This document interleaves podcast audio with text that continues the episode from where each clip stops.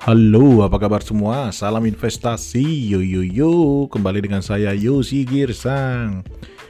Nah, kali ini kita akan membahas tentang dunia perbankan karena ada beberapa informasi yang menurut saya ini patut untuk kita uh, pertimbangkan mengingat bahwa di masa pandemi ini bisa dikatakan konsumsi dari masyarakat turun tajam.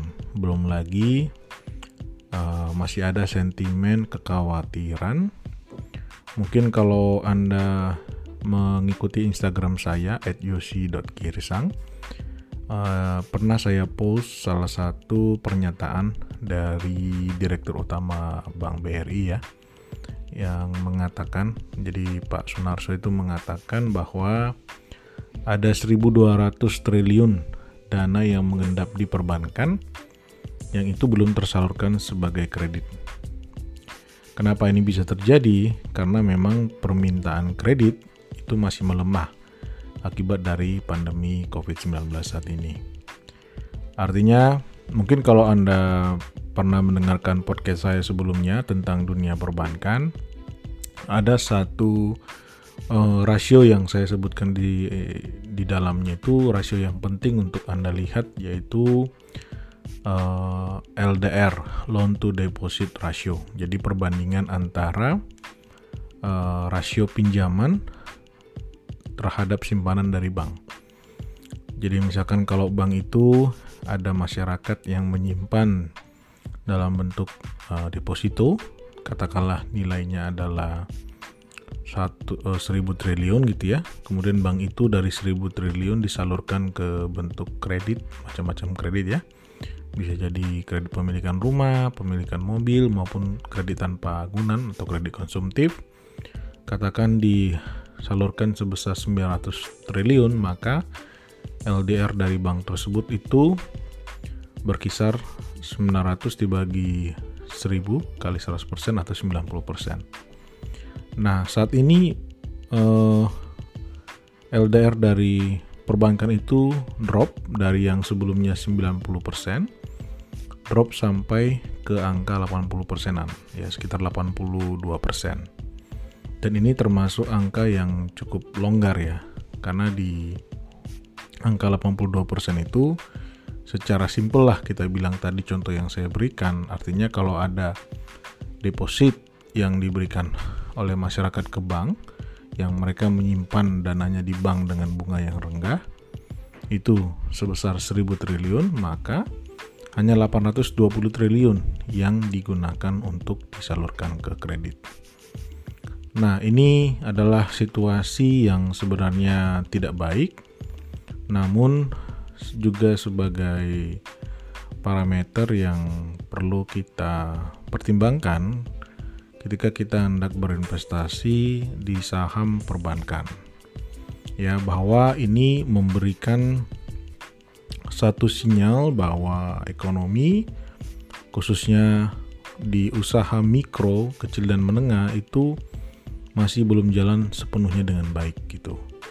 Artinya kredit itu tidak tersalurkan dengan baik, usaha-usaha yang biasanya selama ini di level UMKM itu berjalan juga dengan pinjaman itu tidak uh, tersalur ya. Yang tentu salah satu penyebabnya adalah banyak yang gulung tikar dan mereka masih belum bisa beraktivitas kembali seperti biasa. Yang ngapain pinjam uh, duit dari bank gitu ya?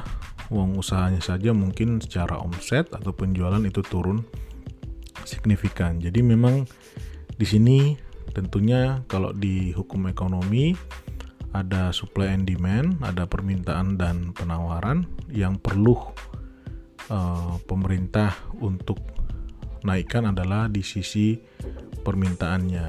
Nah, itulah kenapa rekan-rekan mendengar program bantuan sosial.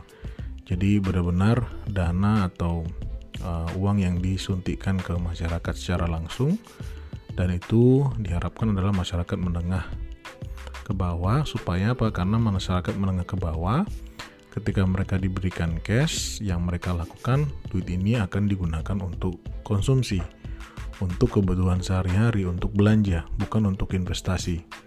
Beda kalau masyarakat menengah ke atas, begitu menerima pinjaman, bisa jadi malah digunakan untuk investasi. Nah ini kan uh, tidak membantu ekonomi yang saat ini justru membutuhkan yang namanya banyak permintaan atau konsumsi. Ya, mungkin Anda sudah mengikuti podcast-podcast saya sebelumnya bahwa Indonesia itu kita secara PDB atau GDP ekonomi kita itu bertumbuh ditopang hampir 50% lebih itu dari konsumsi domestik dari masyarakat kita sendiri. Dan kembali ke persoalan tadi itu yang dari uh, likuiditas, likuiditas dari perbankan yang sangat tinggi.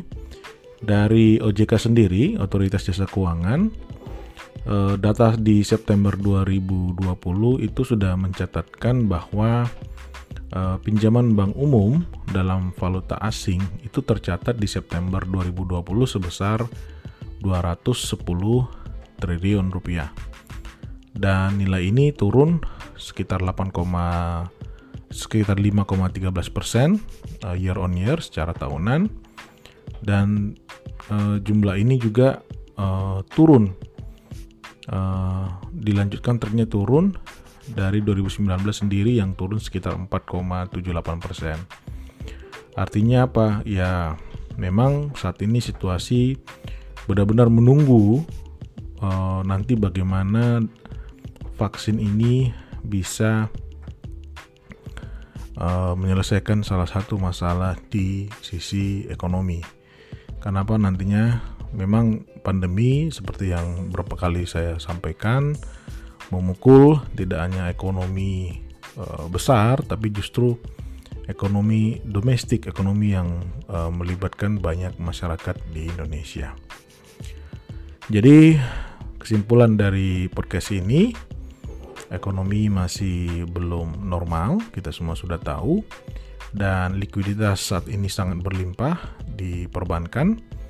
Uh, kenapa? Karena banyak masyarakat yang masih uh, yang memiliki tabungan, memiliki cash itu justru menyimpan dananya dalam bentuk uh, deposito misalkan gitu ya atau menaruhnya dalam bentuk uh, tabungan dan yang lainnya Uh, namun penyaluran kredit itu belum normal atau permintaan kredit itu masih sangat lemah. Jadi itu mungkin yang bisa saya diskusikan di hari ini. Semoga ini mencerahkan. Jadi kita harus siap ke depannya nanti jikalau ada uh, sedikit uh, badai ataupun ada adjustment dari harga bank uh, saham dari bank-bank perbankan ketika nantinya katakanlah masuk ke awal 2021 di Januari atau di Februari. Semoga bermanfaat. Salam investasi. Yo yo yo.